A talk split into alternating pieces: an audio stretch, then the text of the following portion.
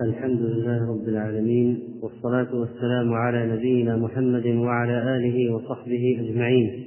وبعد فإن المسلم دائما يحتاج إلى غسل قلبه بالوعظ. وهذا الوعظ الذي يحرك القلوب فهو الوقود للقلب ولولا رياح الوعظ ما خاب زورق وما زخرت بالمؤمنين البواخر. وهذه المواعظ مهمة لكل ناشئ وشاب ومتقدم ومتأخر ومن الذي لا يحتاج إلى الوعظ. وقد قال الله تعالى للمهاجرين ألم يأن للذين آمنوا أن تخشع قلوبهم لذكر الله وما نزل من الحق؟ وكان من هديهم تعالى بنا نؤمن ساعة وهكذا المواعظ للمؤمن بمنزلة البيت للفرس يجول ثم يرجع إليها. وفي هذا الزمن الذي كثرت فيه المعاصي والمنكرات والملهيات وأنواع الشواغل والصوارف عن ذكر الله وطاعته لا بد فيه من شيء يغسل الران وينشط القلب. وهذه القلوب أيها الإخوة لها أطباء. ولنا جولة في هذا الدرس بمشيئة الله تعالى مع طبيب من أشهر أطباء القلب في العالم. تكلم فيما يقوي القلب وفي إزالة ما يضعفه وهو شيخ الإسلام ابن تيمية رحمه الله. فهذه إذا جولة إيمانية في كلام شيخ الإسلام ابن تيمية. وهذا الكلام الذي ذكره رحمه الله متناثر في كتبه في مواضع متفرقة وهذه مختارات وجولات ووقفات مع ما طرقه وذكره. قال لا بد لكل مؤمن في سائر أحواله من ثلاثة أشياء. أمر يمتثله ونهي يجتنبه وقدر يرضى به. ولو فكرت يا أخي في حياتنا هذه وما يتعلق فيها منها بالدين لوجدت أنه يدور على هذه الأشياء الثلاثة. أمر نمتثله ونهي نجتنبه وقدر نرضى به. ولا بد للمسلم أن يلزم قلبه وجوارحه هذه الأمور. وهذا معنى التقوى إنه من يتقي ويصبر فإن الله لا يضيع أجر المحسنين. التقوى تتضمن فعل المأمور وترك المحظور والصبر على المقدور. وهذه حياتنا التي ينبغي أن تكون تدور على هذه الأمور الثلاثة. أوامر لله يجب أن نؤديها من واجبات مفروضة علينا. ومستحبات نجبنا إلى القيام بها. وذنوب طلب منا الكف عنها والامتناع والإمساك وحتى محاربة الخواطر التي تأتي بالمعاصي إلى القلب والذهن. وأشياء لا يد لنا فيها من مصائب وقعت. وأقدار مؤلمة حصلت. لا بد لنا من الصبر عليها.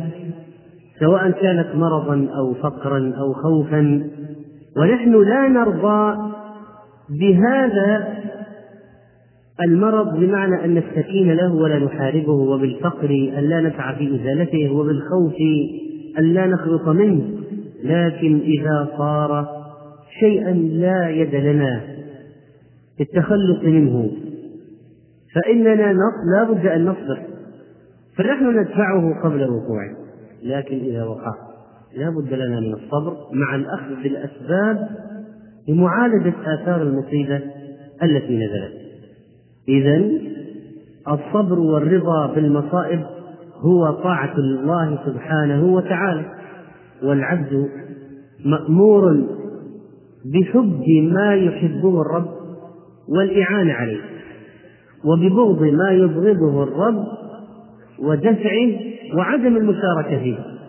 ولو أنك أنت لا تستطيع القيام بالعمل فلا أقل من أن تعين في هذا المأمور كإعانة المجاهدين. فلو أنك لا تجاهد لكن أعن المجاهد. وهكذا سائر الفاعلين للحسنات عليك بإعانتهم. وكذلك إذا رأيت مذنبا قد أذنب تعينه على التخلص من ذنبه وتمنع واحدا يريد أن يقع في الذنب من الوقوع فيه وإذا نزلت مصيبة بشخص ماذا تفعل؟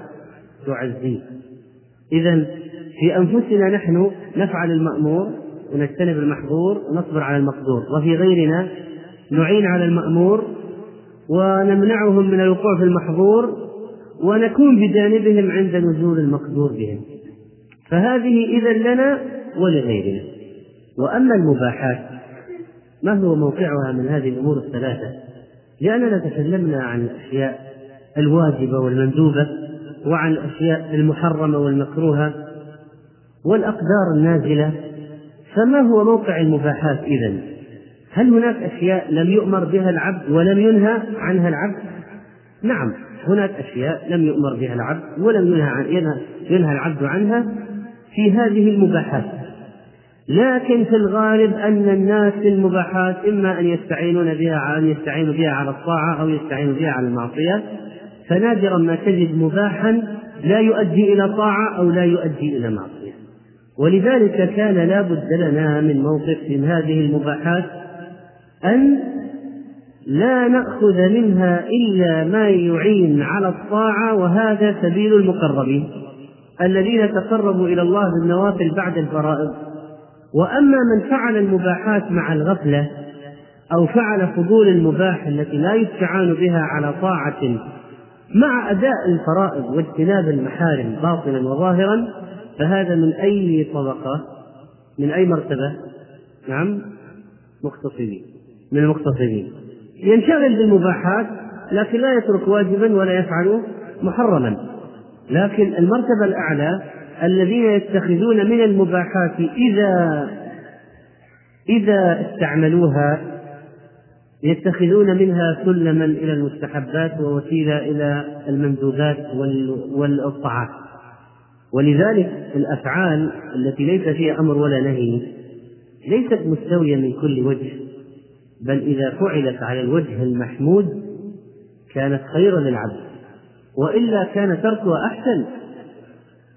فخذ مثلا فضول المباح التي لا تعين على الطاعة. فضول الملبس والمأكل والمشرب والمسكن والمال وإلى آخره.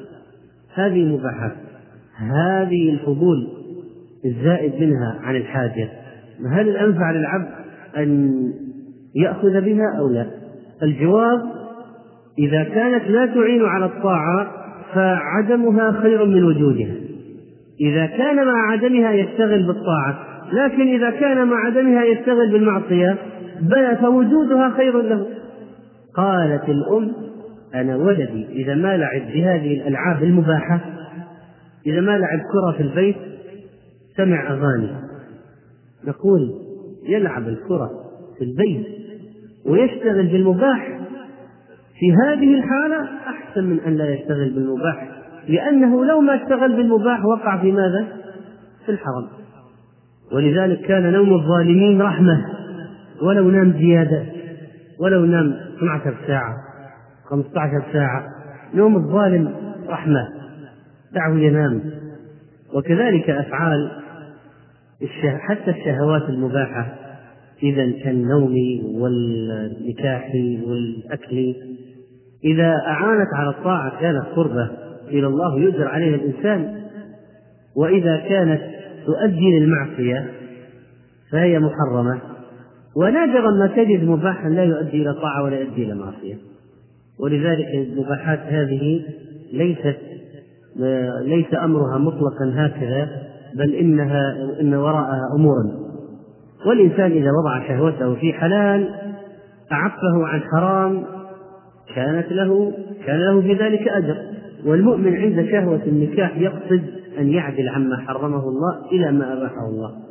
ويقصد أيضا اعتقاد الإباحة فيؤجر على ذلك ويأخذ بالرخصة والسعة التي أعطاها الله لعباده. فتركه إذا للنكاح بالكلية تشدد ورهبانية وليس من الدين. إذا الاعتقاد في المباحات يؤثر فيها. فمن اعتقد تحريمها صار مبتدعا. مثلا وكذلك فإنه إذا احتاج إلى المباح حاجة لا بد له منها بحيث لو كان ترك هذا المباح يؤدي الوقوع في الحرام أو يؤدي إلى وقوع غيره في الحرام. فيتعين عليه أن يعمل بهذا المباح.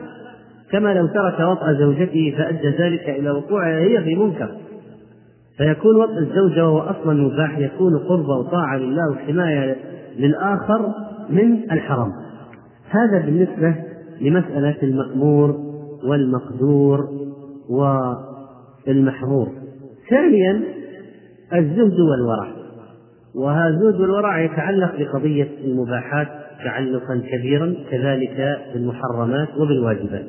فإن قال قائل ما هو الزهد المشروع وما تعريفه وما هو الورع المشروع؟ وهل هناك زهد حرام محرم؟ وهل هناك ورع محرم؟ الزهد المشروع الذي يظن بعض الناس أنه مجرد ترك الفاخر من الملابس والمطاعم والمراكب هو أوسع من ذلك بكثير. الزهد المشروع هو ترك ما لا ينفع في الآخرة. احفظه احفظ هذا التعريف الذي ذكره شيخ الإسلام رحمه الله. الزهد المشروع هو ترك ما لا ينفع في الآخرة. فإذا ربينا أنفسنا على ترك ما لا ينفع في الآخرة كان ذلك من دعائم التربية ومن القواعد العظيمة في إصلاح النفس. الزهد ترك ما لا ينفع في الآخرة. إنه تعريف جامع عظيم. وما هو الورع في المقابل؟ ترك ما قد يضر في الآخرة. ترك ما قد يضر في الآخرة. وهو ترك المحرمات والمشتبهات. المحرمات لأنها تضر والمشتبهات لأنها قد تضر. والزهد ما هو؟ ترك ما لا ينفع في الآخرة. هذه ضوابط شرعية ومفهومات عظيمة. هذه الأشياء لو أننا طبقناها في أنفسنا لتغيرت أحوالنا كثيرا في مفهوم الزهد والورع. فأما ما ينفع في الآخرة سواء بذاته أو يعين على أشياء تنفع في الآخرة فالزهد فيه ليس من الدين. بل صاحبه داخل في قوله تعالى يا أيها الذين آمنوا لا تحرموا طيبات ما أحل الله لكم ولا تعتدوا إن الله لا يحب المعتدين.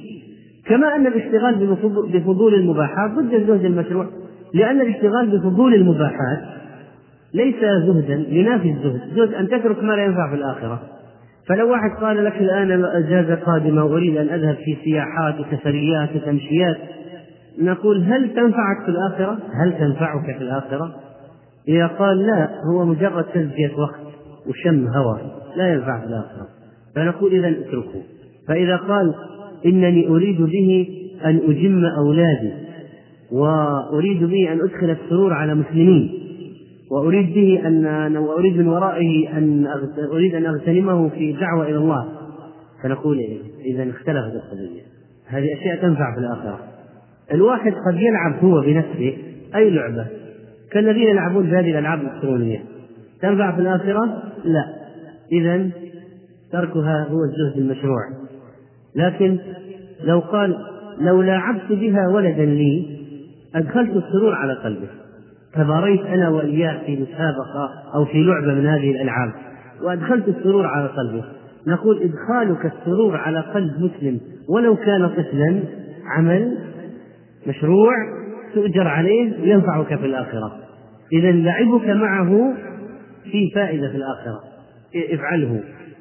وتركه ليس من الزهد ملاعبة الزوجة أيضا بأي نوع من أنواع الألعاب المباحة التي لو لعبتها أنت وحدك ربما لا تفيدك في الآخرة ولا يكون لك فيها أجر. بس تضيع الوقت. أما لو كان مع الزوجة فيكون فيها إدخال سرور على قلبها وأدوم للعشرة وأحسن في العلاقة تقوية للعلاقة. إذا ملاعبة الزوجة تؤجر عليها وتنفعك في الآخرة وليس تركها من الزهد وسابق النبي عليه الصلاة والسلام عائشة وسامر أزواجه بعد العشاء مع أنه ما كان يستحب السهر لكن لأجل ما تحتاجه الزوجة. لأن الله لما قال وعاشرهن بالمعروف ملاعبة الزوجة والسمر مع الزوجة طبعا بالحلال والمباح من المعاشرة بالمعروف. إذا يؤجر عليها الإنسان. لكن يمكن لو هو سهر وحده ولعب وحده بدون أن يكون هناك أو لذلك قصد شرعي أو منفعة شرعية أو باب أجر واضح قد لا ينفعه في الآخرة. فيكون تركه إذا هو الزهد من الزهد المشروع. فإذا اشتغل الإنسان بفضول المباحات اشتغالا يجعله يترك واجبا أو يوقعه في محرم كان عاصيا بهذا وكان امتناع المباح واجبا. لأن بعض الناس ممكن يشتغل بواجب وبعض يمكن أن يشتغل بمباح فيجعله يترك الصلاة كما يفعله كثيرون في الألعاب.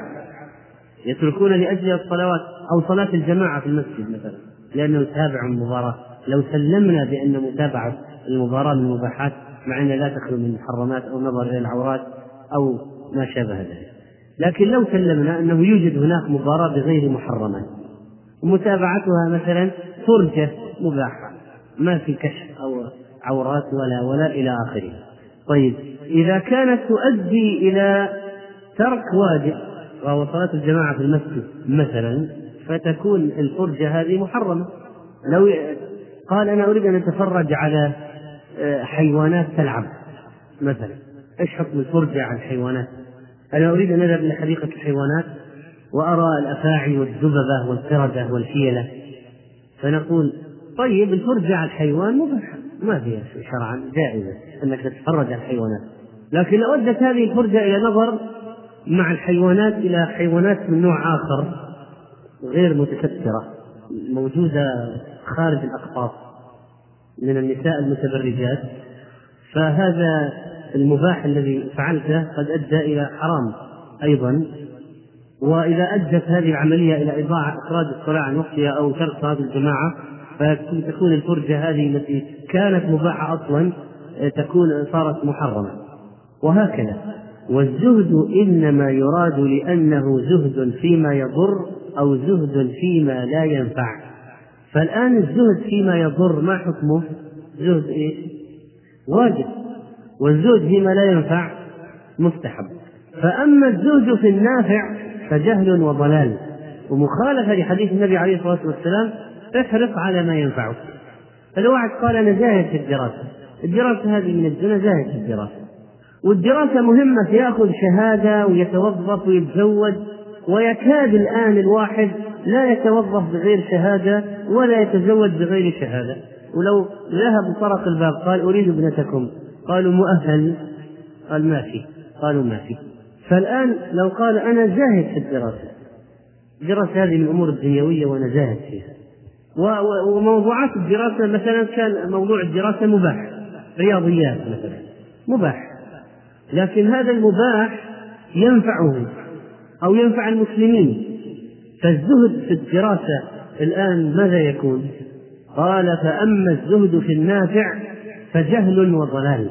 كما قال النبي صلى الله عليه وسلم احرص على ما ينفعك واستعن بالله ولا تعجز. والنافع للعبد هو عبادة الله وطاعته. وكلما صده عن ذلك فإنه ضار لا نافع. والورع المشروع هو الورع عما تخاف عاقبته إما أنه حرام أو يشك في تحريمه. فعند ذلك يكون ترك هذا الشيء عبادة وطاعة ويؤجر عليه الإنسان وورع مشروع بشرط أن لا يكون في تركه مفسدة أكبر منه.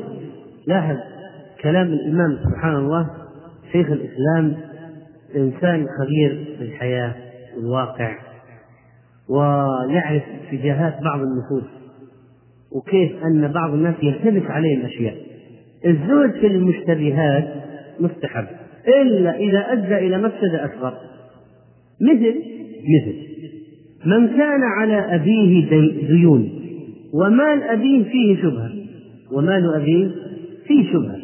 يتاجر بأشياء مكروهة ليست محرمة مكروهة أو دخل في شيء أوجب أن يكون فيه شبهة وليس للأب مال آخر. فجاء أصحاب الديون يطالبون بالديون. قال والله ما فيه شبهة. أنا ما ما أؤدي إليكم منه. هذا يجب تركه. لا أنا ولا أنتم. خاف. حطوا جمعية خيرية. قال شيخ الإسلام في الورع المشروع هو الورع عما قد تخاف عاقبته وليس في ترك مفسدة أعظم من فعله مثل مثل من يترك واجبا تركه أعظم فسادا من فعله مع الشبهة. كمن يكون على أبيه ديون مطالب بها وليس له وفاء إلا من مال فيه شبهة فيتورع عنها ويترك ذمة أبيه مشغولة. فهذا إذا ورع لا يجوز. هذا. يجب أن يسدد دين أبيه. وفي أنواع من الورع عبارة عن وسوسة أيضا لا تجوز لأن تعذيب للنفس. فإذا كان الاحتياط سببا للوقوع في حرام يكون الاحتياط هذا ورعا فاسدا. كمن يطيل اللبس في دورة المياه مفتشا عن رؤوس الإبر من النجاسة أين وقعت؟ ويعيد الغسل كرات ومرات. خشية أن يكون قد وصل إلى ثياب نجاسة ويفوت صلاة الجماعة الواجبة وأحيانا يخرج الصلاة عن وقتها. هذا الورع ما حكمه؟ ورع فاسد ومحرم ولا يجوز الإنسان أن يفعله. فتمام الورع أن يعلم الإنسان خير الخيرين وشر الشرين وأن الشريعة مبنية على تحصيل المصالح وتكميلها ودرء المفاسد وتعطيلها وتقليلها بعد ذلك يستطيع أن يتخذ قرارا صحيحا في الورع لأن الإنسان قد يتورع عن شيء فعله فيه مصلحة أكبر من تركه الآن مثلا الدخول في بعض الوسائل الإعلامية أليس فيه محاذير وإشكالات؟ طيب إذا تبين للإنسان أن المصلحة فيه أكبر بكثير من المحاذير الموجودة. أكبر بكثير. فلو قال أنا الورع أني لا أدخل فوت المصلحة الأعظم. لكن هذه المسألة تحتاج إلى علم ودراسة لأنه قد يتصور ما ليس بمصلحة مصلحة وقد تكون المصلحة قليلة فيتصورها كبيرة وقد يكون المحذور كبيرا فيتصوره قليلا. فإذا لابد من علم وبصيرة في اتخاذ القرارات في مسألة الورع. اتخاذ القرار في مسألة الورع مبني على معرفة معرفة خير الخيرين وشر الشرين. وهذه قاعدة عظيمة أشار إليها رحمه الله. لا يمكن تعرف لا يمكن تتخذ قرارا صحيحا في الورع إلا إذا عرفت خير الخيرين في المسألة وشر الشرين في المسألة وأن الشريعة جاءت بتكثير المصالح وتقليل المفاسد وأن يكون عندك ميزان صحيح في المصلحة والمفسدة. فلا تضخم المصالح القليلة ولا تقلل المفاسد الكبيرة. هذه مسألة مهمة. ولذلك من لم يعرف هذا الأمر آه، لم يستطع اتخاذ قرار صحيح في الواقع وضرب رحمه الله أمثلة في من لم يوازن في قضية الفعل والترك من منظار المصلحة الشرعية المسألة الشرعية يمكن أن يترك واجبات يفعل محرمات كمن يترك الجهاد مع الأمراء الظلمة ويرى ذلك ورعا.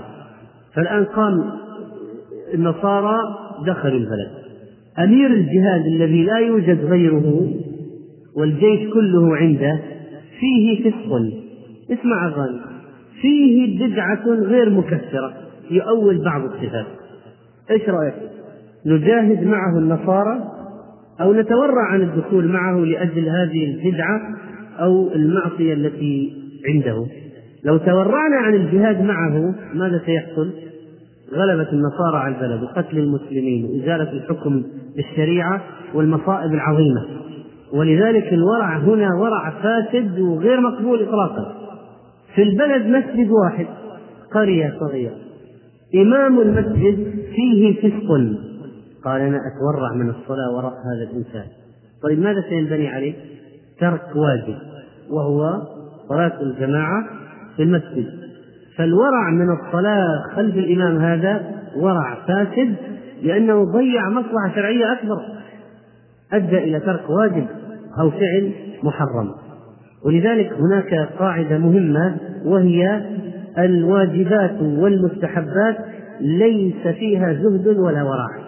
الواجبات والمستحبات لا يصلح فيها زهد ولا ورع. أما المحرمات والمكروهات فيصلح فيها الزهد والورع. وأما المباحات فيصلح فيها الزهد دون الورع. وأما المباحات فيصلح فيها الزهد دون الورع.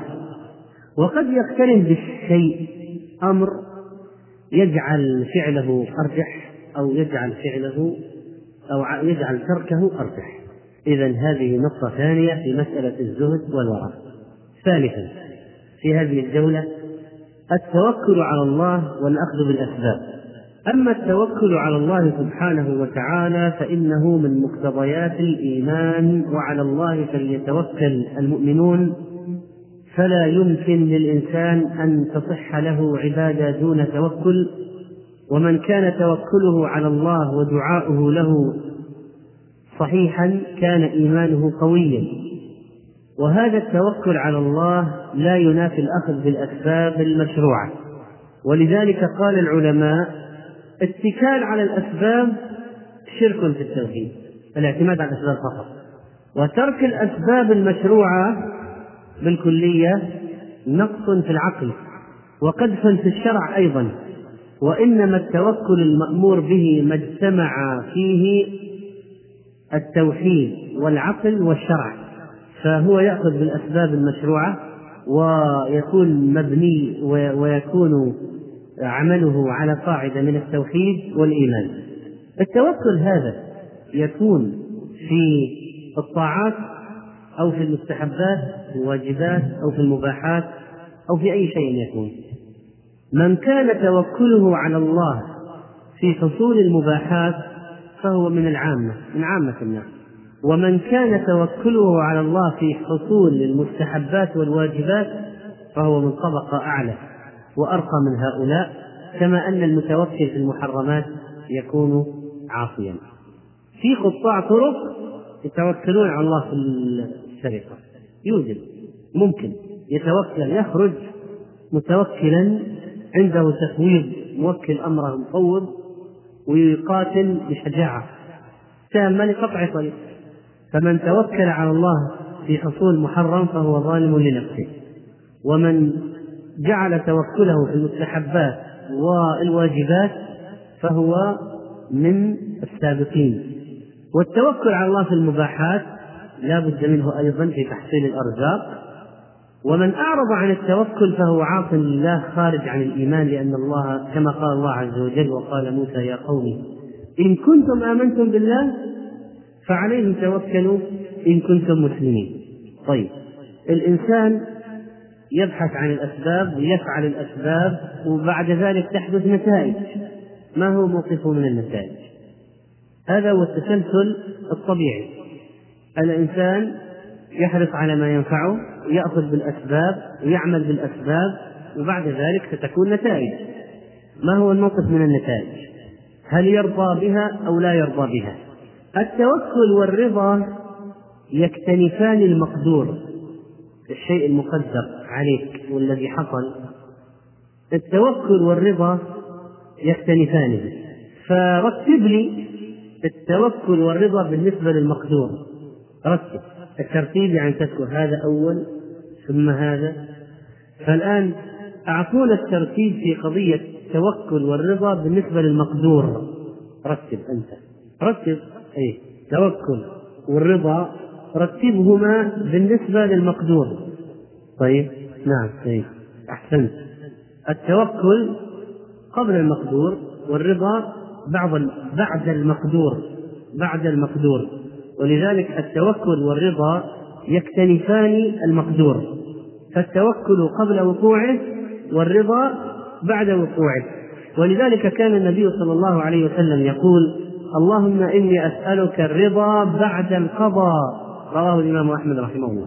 لكن لو واحد قال أنا راضي قبل القضاء فهل يسمى هذا رضا أم لا؟ لا يسمى رضا، هذا عزم على الرضا. مثلا واحد دخل عملية جراحية وعملية فيها خطورة وهو عازم أو يقول أنا راضي بالنتيجة. نعم؟ أنا راضي بالنتيجة. نجحت العملية أو ما نجحت العملية. قبل ولادة الزوجة يقول أنا راضي ولد ذكر أو أنثى أنا راضي وقبل الامتحان يقول أنا راضي بالنتيجة نجاح أو رسوب علامة ألف أو باء. راضي بالنتيجة هل هذا رضا؟ الجواب لا. هذا عزم على الرضا. لكن الرضا متى يكون فعلا؟ بعد خروج النتيجة ولذلك بعض الناس يعزم على الرضا قبل المقدور. فإذا حصل المقدور انحلت عزيمته ولم يرضى. وأصابه السخط على المقدور. فلا بد أن يوطن الإنسان نفسه يا أيها الإخوة والأخوات على الرضا بعد المقدور ويهيئ نفسه لاستقبال المقدور أيما كانت النتيجة ويعزم أنه سيرضى بما يحصل من الله عز وجل ويقدره الله وأن يستمر على النية هذه حتى بعد حصول النتيجة. ولقد كنتم تمنون الموت من قبل أن تلقوه فقد رأيتموه وأنتم تنظرون. لماذا قال الله يا أيها الذين آمنوا لما تقولون ما لا تفعلون؟ لأنهم كانوا يقولون لو علمنا أي الأعمال أحب إلى الله لعملنا به. فلما نزلت آية الجهاد كرهه من كرهه. فكان ما ما ما حصل الرضا الذي كان متوقعا.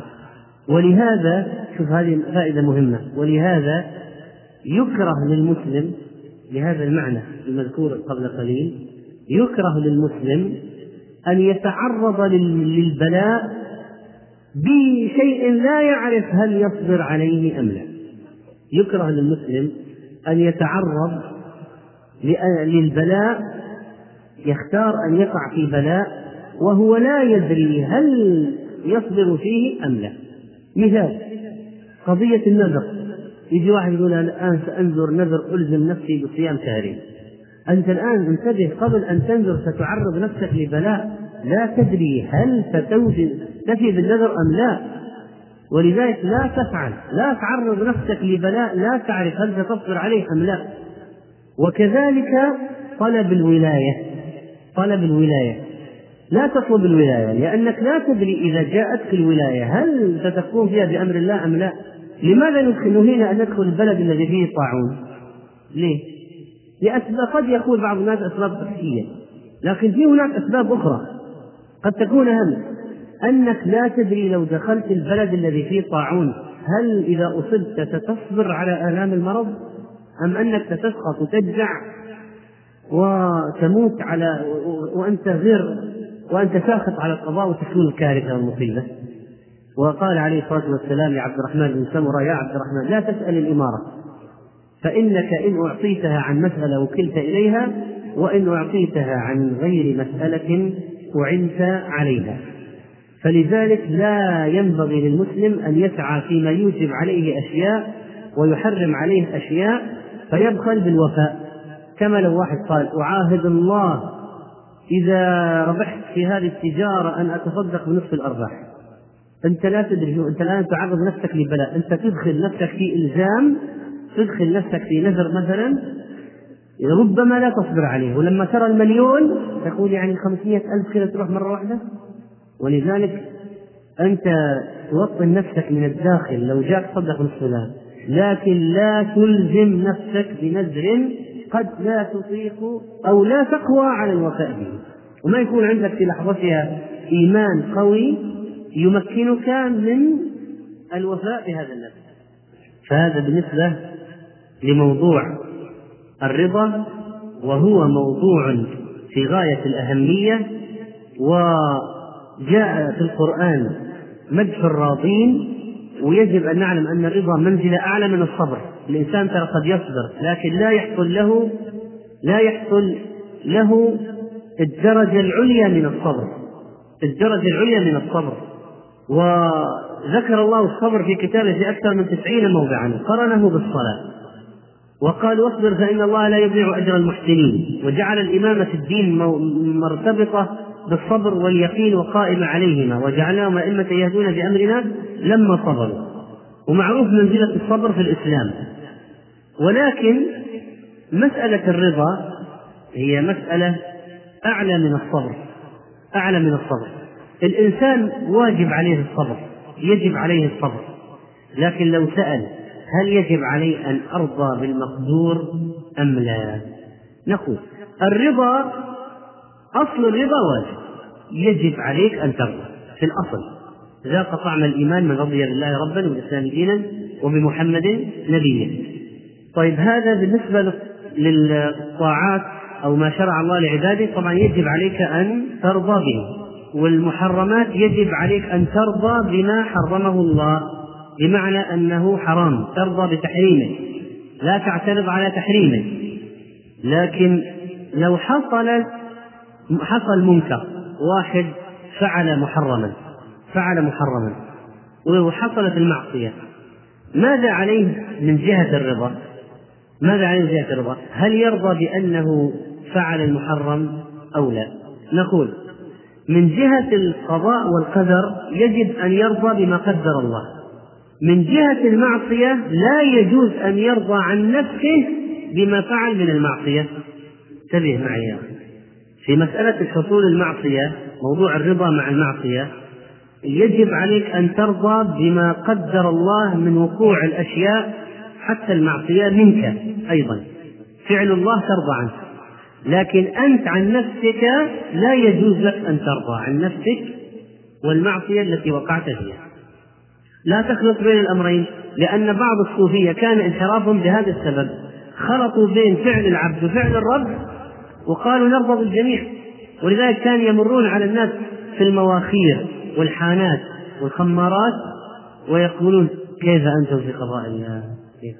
يعني يدخل الصوفي مبسوط على هذه الأماكن ومسرور ويعني ولما زنى عبد له بجاريته وأراد أن يضرب العبد قال العبد الرضا بالمقدور الرضا بالمقدور قال كلمتك أحب إلي من أن تحر لوجهي هذا شغل الصوفية الضلال الذين يخلطون في المعاصي بين فعل العبد وفعل الرب.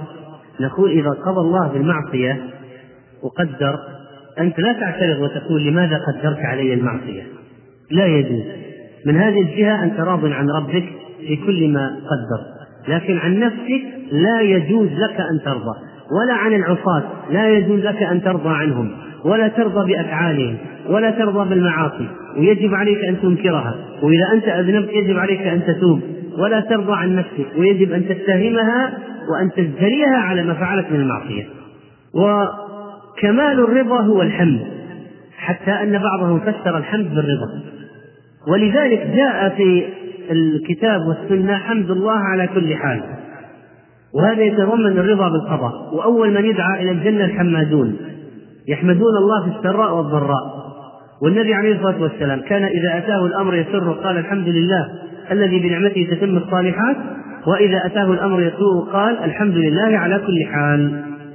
وفي مسند الإمام أحمد عن أبي موسى الأشعري عن النبي صلى الله عليه وسلم قال إذا قبض إذا قبض ولد العبد يقول الله لملائكته أقبضتم ولد عبدي؟ فيقولون نعم. فيقول أقبضتم ثمرة فؤاده؟ فيقولون نعم. فيقول ماذا قال عبدي؟ فيقولون حمدك واسترجع. فيقول ابنوا له ابنوا لعبدي بيتا في الجنة وسموه بيت الحمد. والنبي عليه الصلاة والسلام صاحب لواء الحمد وأمته هم الحمادون يحمدون الله على السراء والضراء طيب حمد الله على السراء مفهوم واضح أنك تحمد الله على النعمة لكن الحمد على الضراء يبنى على ماذا؟ واحد دخل امتحان طلع راسب ما يؤمر ما بماذا يؤمر شرعا؟ وماذا يسن له أن يقول؟ الحمد لله على كل حال صح ولا لا؟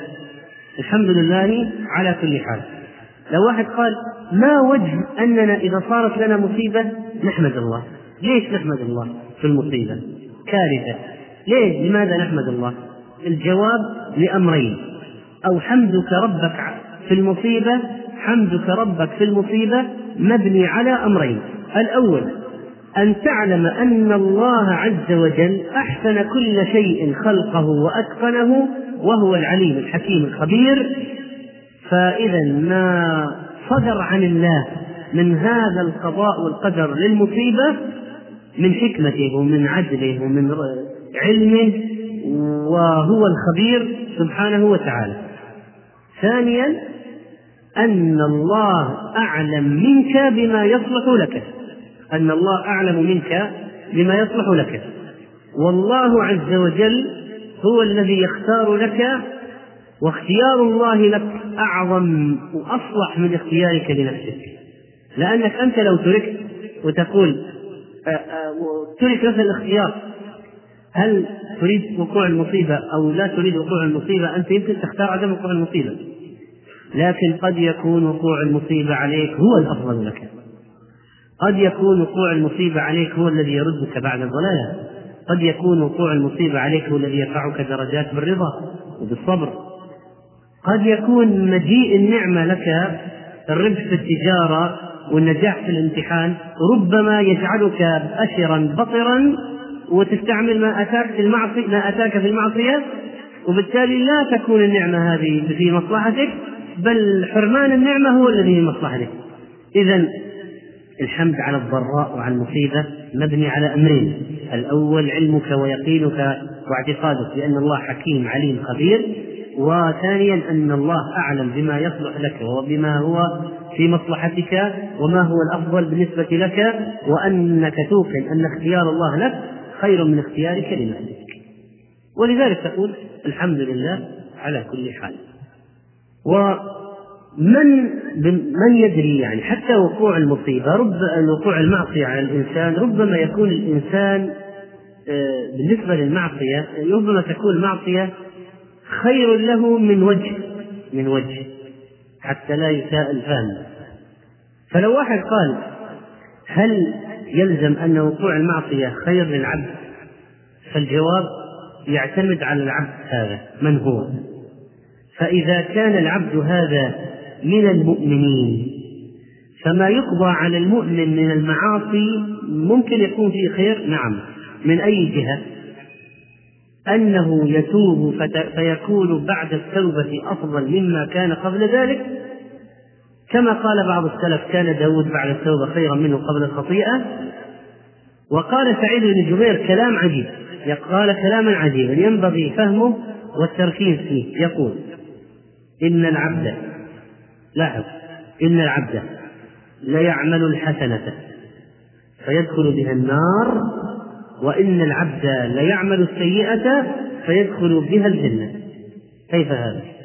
أنه ممكن العبد واحد يعمل حسنة فيؤدي هذا العمل إلى العجب إلى العجب فيهلك يهلك ويرى أنه صار عند الله صار له عند الله شأن عظيم بهذه الحجة وأن وجبت له الجنة وممكن يترك العمل الذي بعد الحسنة هذه. اعتمادا على الحسنة التي صارت كما قال هذا قال ذهبنا إلى مكة وصلينا كل 35 صلاة. خمسة في سبعة أسبوع في مكة. 35 صلاة. كل واحدة مئة ألف كم صاروا؟ ثلاثة مليون ونصف. خلاص يقول بعد خلاص. بعد ما يحتاج شيء خلاص. ثلاثة مليون ونصف صلاة يعني هذه لو جلست تعمل معاصي إلى آخر العمر خلاص. يعني ممكن ما فإذا الطاعة ممكن تكون الحسنة تؤدي إلى مصيبة عظيمة على الإنسان. والسيئة تؤدي إلى توبة يعظم بها حال الشخص ويستقيم لكن ليس معنى هذا أن نترك الحسنات ونعمل السيئات. يجب أن نعمل الحسنات ونحارب العجب وأن نجاهد أنفسنا أن لا نعمل السيئات. وإذا أسأنا نستغفر ونتوب. فالكلام هذا الآن الذي قلناه هذا بعد العمل بعد العمل. ما هو قبل يقول واحد أنا أختار السيئة لأتوب وتعظم درجتي؟ لأن العزم على التوبة قبل المعصية فاسد. ماذا فعل إخوة يوسف؟ ماذا فعل إخوة يوسف؟ عزموا على التوبة قبل المعصية. اقتلوا يوسف أو اطرحوه أرضا. يخلو لكم وجه أبيكم وتكونوا من بعده قوما صالحين. وعلى العبد أن يسعى في الأسباب التي تكفر ذنوبه منها طبعا ما يكون باختياره أو بفعله ومنها ما يكون بفعله. وهناك أسباب عشرة لتكفير الذنوب والخطايا. أولا أن يتوب فيتوب الله عليه. ثانيا أن يستغفر فيغفر الله له. فإن قال قائل ما هو الفرق بين التوبة والاستغفار؟ الجواب التوبة لها شروط. إذا تحققت محي الذنب قطعا.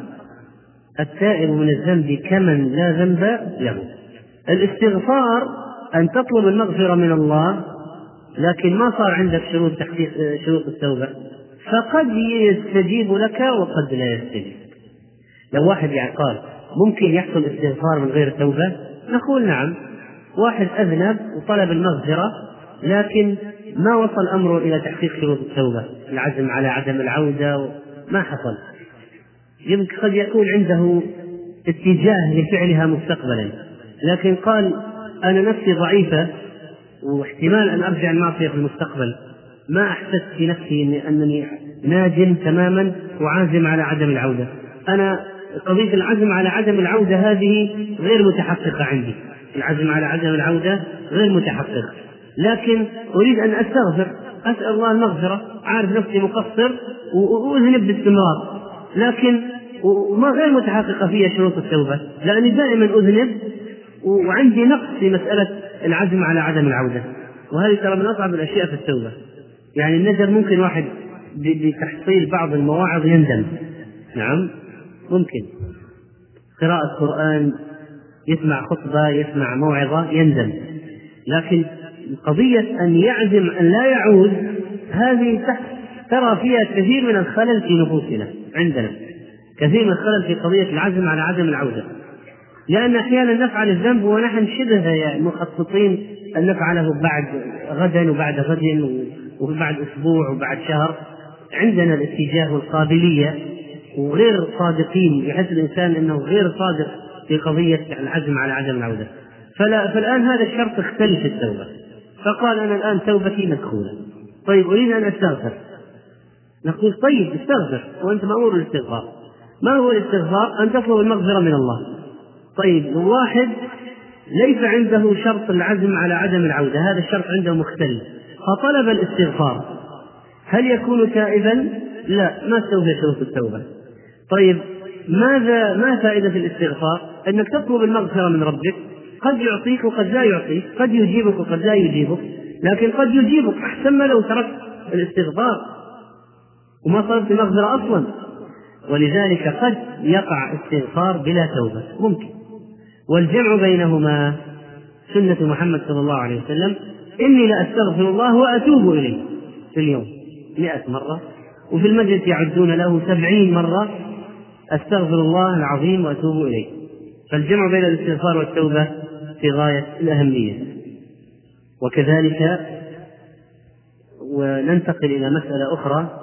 أو نقطة أخرى في الموضوع ممكن تتعلق بالمقدور وبالمعصية وهي قضية الحزن. طبعا الإنسان بعد القدر المصيبة يحصل له حزن والمؤمن بعد الذنب يحصل له حزن على ما آل إليه حاله بعض الناس ممكن الحزن عنده يحصل لأشياء أخرى مثلا يحصل له اكتئاب وحزن.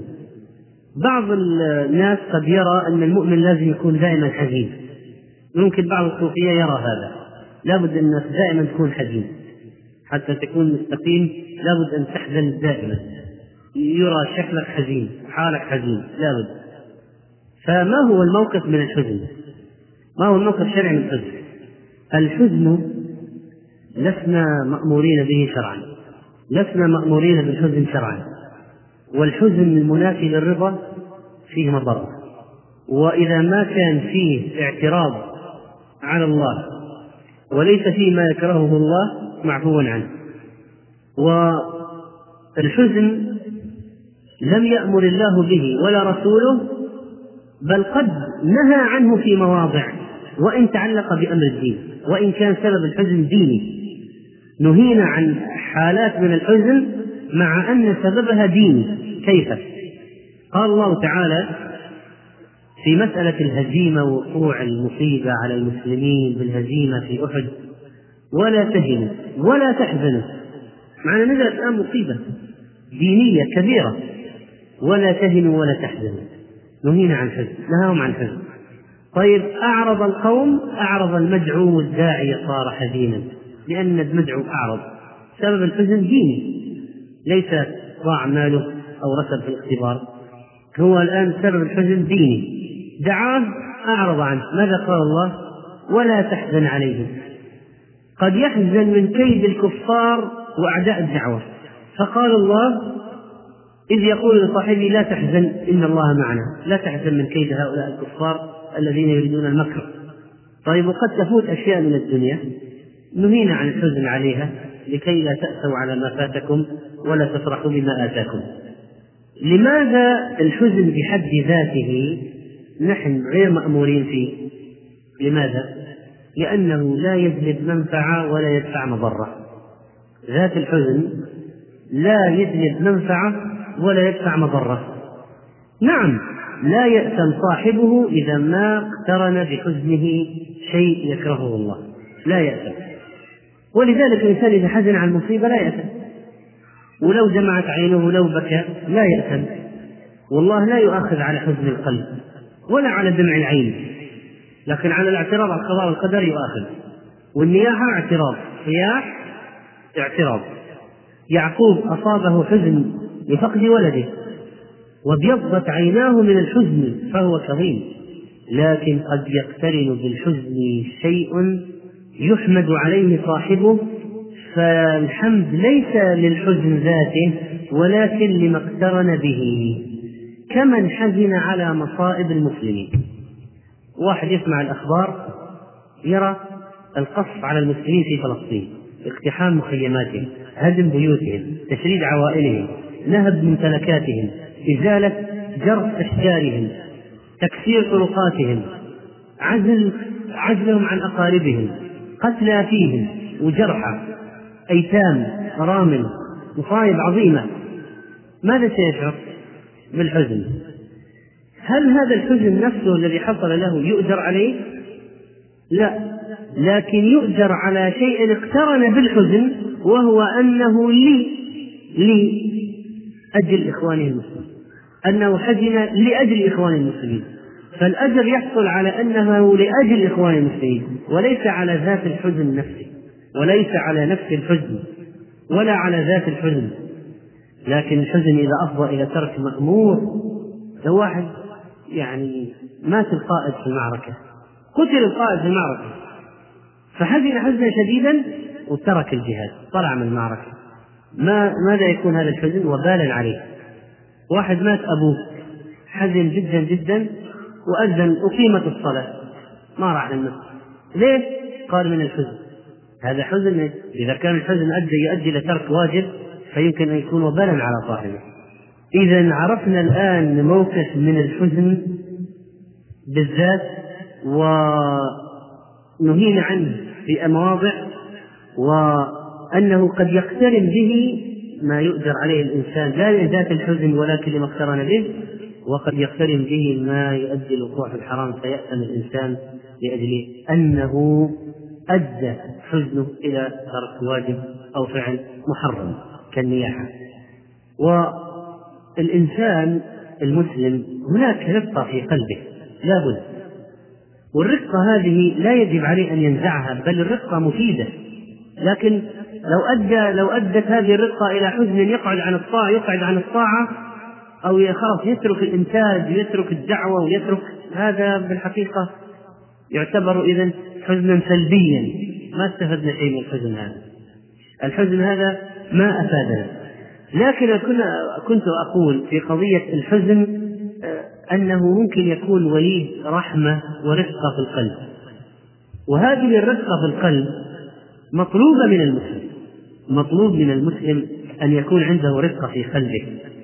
والله سبحانه وتعالى أثنى على المؤمنين في قضية. فيها علاقة بين الصبر والرحمة. بين الصبر والرحمة. وفهم العلاقة هذه مهم. العلاقة بين الصبر والرحمة. فقال الله عز وجل ثم كان من الذين آمنوا وتواصوا بالصبر وتواصوا بالمرحمة. فذكر سبحانه التواصي بالصبر والمرحمة. والناس في هذا الباب أربعة أقسام كما قال شيخ الإسلام. منهم من يكون فيه صبر وقسوة واحد ومنهم من يكون فيه رحمة وجزع. اثنين. الجزع المنافي للصبر والرحمة منافية للقسوة. فإذا عندنا الآن أربعة أشياء. صبر ومرحمة وجزع وقسوة. فيتولد منها أربع حالات. من الناس من يكون فيه صبر بقسوة. يعني إذا صارت له مصيبة يتجلد يصبر فعلا ما ينهار. لكن معاملته مع الآخرين فيها قسوة غلظة جلافة شدة. هذه نوعية من البشر موجودة. هو يحمد على صبره لكن لا يحمد على شدته. النوع الثاني يكون في رحمة بجزع فهو إنسان رقيق القلب حسن المعاملة لطيف المعشر رحيم بالخلق لين هين. وهذا شيء يحمد عليه. لكن إذا أصابته مصيبة ينهار ولا يصبر. يصاب بالجزع. فهذا نحمده على إيش؟ على المرحمة التي عنده. ولكن لا نرضى ولا يجوز له أن يرضى بالسخط أو الجزع الانهيار الذي يصيبه عند المصيبة. فعنده رحمة بدون صبر. الثالث من فيه القسوة والجزع. شديد على عباد الله غليظ معهم وإذا أصيب بالمصيبة انهار. وهذا تجد بعض الطواغيت الذين يقتلون يسفكون الدماء لكن لو مات ولده ينهار. فهو لا ما في خير يعني لا من هذه الجهة ولا من هذه الجهة فهو أسوأ الأنواع والرابع المؤمن المحمود الذي يصبر على ما يصيبه ويرحم الناس وهو الذي قال الله عز وجل فيه ثم كان من الذين آمنوا وتواصوا بالصبر وتواصوا بالمرحمة. صبر يواجه به الأقدار ومرحمة يتعامل فيها مع الخلق. وننتقل إلى مسألة أخرى من المسائل التي ذكرها شيخ الإسلام رحمه الله في ما يتعلق بأعمال القنوت أيضا مسألة الاستغناء عن الله والتعلق بالله والطلب من الله وعدم الطلب من المخلوقين والافتقار إلى الله والالتجاء إلى الله من الأشياء القلبية المهمة وعكسها يؤدي بالإنسان إلى نزول في المستوى وانحدار وانحطاط أيضا. النبي صلى الله عليه وسلم ندب لنا أن نسأل الله ولا نسأل الناس وإذا أتانا شيء من غير سؤال لنا أن نأخذه. ما أتاك من هذا المال وأنت غير سائل ولا مشرف فخذه. وما لا ما, لي ما ليس بهذه الصفة ولا على هذه الحال فلا تتبعه نفسك. فالمشرف الذي يستشرف بقلبه والسائل الذي يسأل بلسانه. فبعض الناس يتطلع يتطلع إلى ما في أيدي الآخرين. بقلبه يتطلع ولو ما تكلم لكن يتطلع. ولو نظرت إلى عينيه لعرفت أشياء مما في قلبه. وبعض الناس يتجرأ ويسأل بلسانه. الاستغناء أن لا يرجو بقلبه أحدا فيتشرف إلى ما عنده. يستغني عن عن الناس. والاستعفاف أن لا يسأل أحدا بلسانه. ولذلك قال عليه الصلاة والسلام من يستغني يغني الله ومن يستعف يعفه الله. ومن يستعف يعفه الله. هذان الخلقان أو الأمران أيها الإخوة في هذا الموضوع في غاية الأهمية. الاستغناء لا يرجو بقلبه أحدا فلا يتطلع لما عند الناس. لو ما رجاهم ما تطلع لما عندهم. بالنسبة للاستعفاف لا يسألهم بلسانه شيئا فيمسك لسانه. ولما سئل الإمام أحمد رحمه الله عن التوكل قال قطع الاستشراف إلى الخلق لا أي لا يكون في قلبك أن أحدا يأتيك بشيء. لا تتوقع لا تحدث نفسك أن أحدا سيأتيك بشيء. هو الإمام أحمد رحمه الله يبين أو ينبه إلى هذه المسألة أنه ينبغي عليك في توكلك على الله لا تحدث نفسك أن فلان سيأتي لك بكذا وأن فلان سيعطيك كذا ولا وتتمنى الآن وتعمل عمل نفسك تعمل في هذا الجانب لا. قطع الاستشراف إلى الخلق. وهذا يبين أن العبد في طلب ما ينفعه ودفع ما يضره لا يوجه قلبه إلا إلى الله. ولذلك المكروب من دعاء المكروب يقول لا إله إلا أنت فهو لا يتوجه إلا إلى الله ولا ين ولا آه، يسأل رفع هذا إلا الله سبحانه وتعالى. ومن أدعية الكرب لا إله إلا الله العظيم الحليم لا إله إلا الله رب العرش العظيم. فإذا ينبغي أن الإنسان المسلم لا يسأل المخلوقين وقد يقول قائل طيب نحن لا بد لنا من رزق فالرزق أنا ما أدور على وظيفة أقول هل عندك وظيفة؟ هل هناك مجال لوظيفة؟ ما معنى قضية السؤال وعدم السؤال هنا؟ ما معنى هذا؟ أما بالنسبة لقضية السؤال فإن هناك سؤالا بدون مقابل منك. فتقول تصدق علي بمال كما يفعل الشحاذين كما يفعل الشحاذون فهؤلاء يسألون مالا ولا يعطون مقابل. غير طبعا طالب الوظيفة. الوظيفة لما يقول عندك وظيفة هو ما يسأله ماله بدون مقابل. ما يسأل أوثاق الناس. يقول عندك وظيفة أعمل فيها وتعطيني عليها أجرا؟ فإذا ليس هذا من سؤال الناس المذموم. ليس هذا من قول النبي عليه الصلاة والسلام لا تزال المسألة بأحدكم حتى يأتي يوم القيامة وليس في وجه من نعم. ليس هذا من قول النبي عليه الصلاة والسلام من سأل الناس وله ما يغنيه جاءت مسألة يوم القيامة خدوشا أو خموشا أو خدوعا بوجهه ولذلك فإن التمييز بين سؤال الله الأشياء التي لا تكون لا يسأل فيها إلا الله. والأشياء التي يطلب من الناس الإعانة فيها أمر مهم جدا. كان من استغناء الصحابة عن الناس أن أحدهم إذا سقط صوته لا يقول لشخص لا غلني إياه ولو كان على ظهر الدابة. والنزول عن ظهر الدابة فيه مشقة لأنه ينزل والطلوع فيه أيضا. وذاك على الأرض لا يكلف شيء إذا أعطاه الصوت وقال أعطني إياه لكن حتى لا يحتاج إلى مخلوق ولا يسأل مخلوقا. ويرغب إلى ربه فإذا فرغت فانصب وإلى ربك فارغب.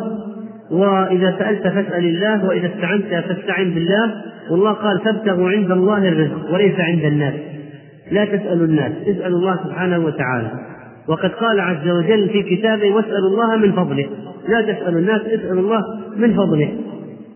هذه قواعد في مسألة أن ما نسأل الناس شيئا بدون مقابل نعطيه ونأخذ منهم فقط لا نسأل الناس. يقول شيخ الإسلام والإنسان لا بد له من حصول ما يحتاج إليه من الرزق ونحوه وما ودفع ما يضره.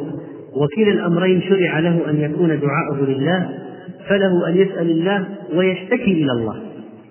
كما قال يعقوب إنما أشكو بثي وحزني إلى الله. إنما أشكو بثي وحزني إلى الله. والشكوى إلى الخالق لا تنافي الصبر الجميل لا تنافي الصبر الجميل إنما أشكو بثي وحزني إلى الله.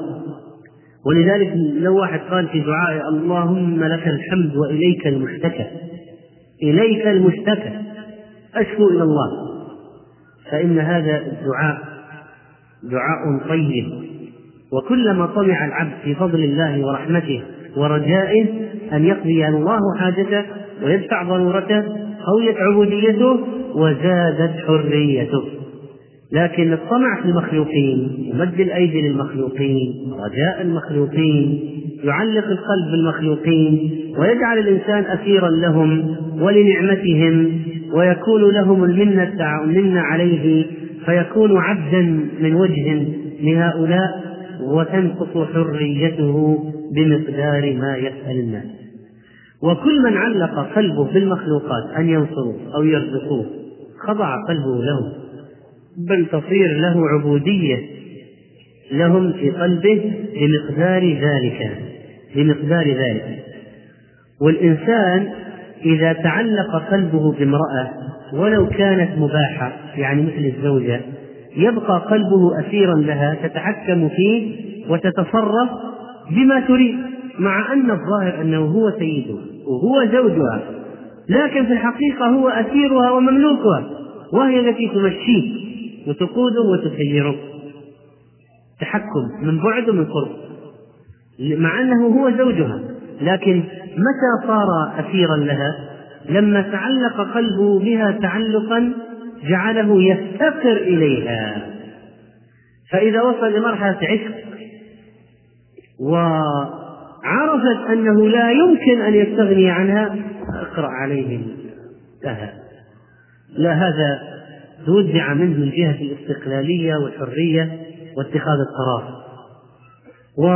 فكيف إذا كان الاستيلاء والاستعباد بشيء محرم كمن عشق امرأة أجنبية أو أمرة فعند ذلك يكون قلبه معلق بهذا الآدمي أو بهذه المرأة ويوجهه يسيره كيف يشاء.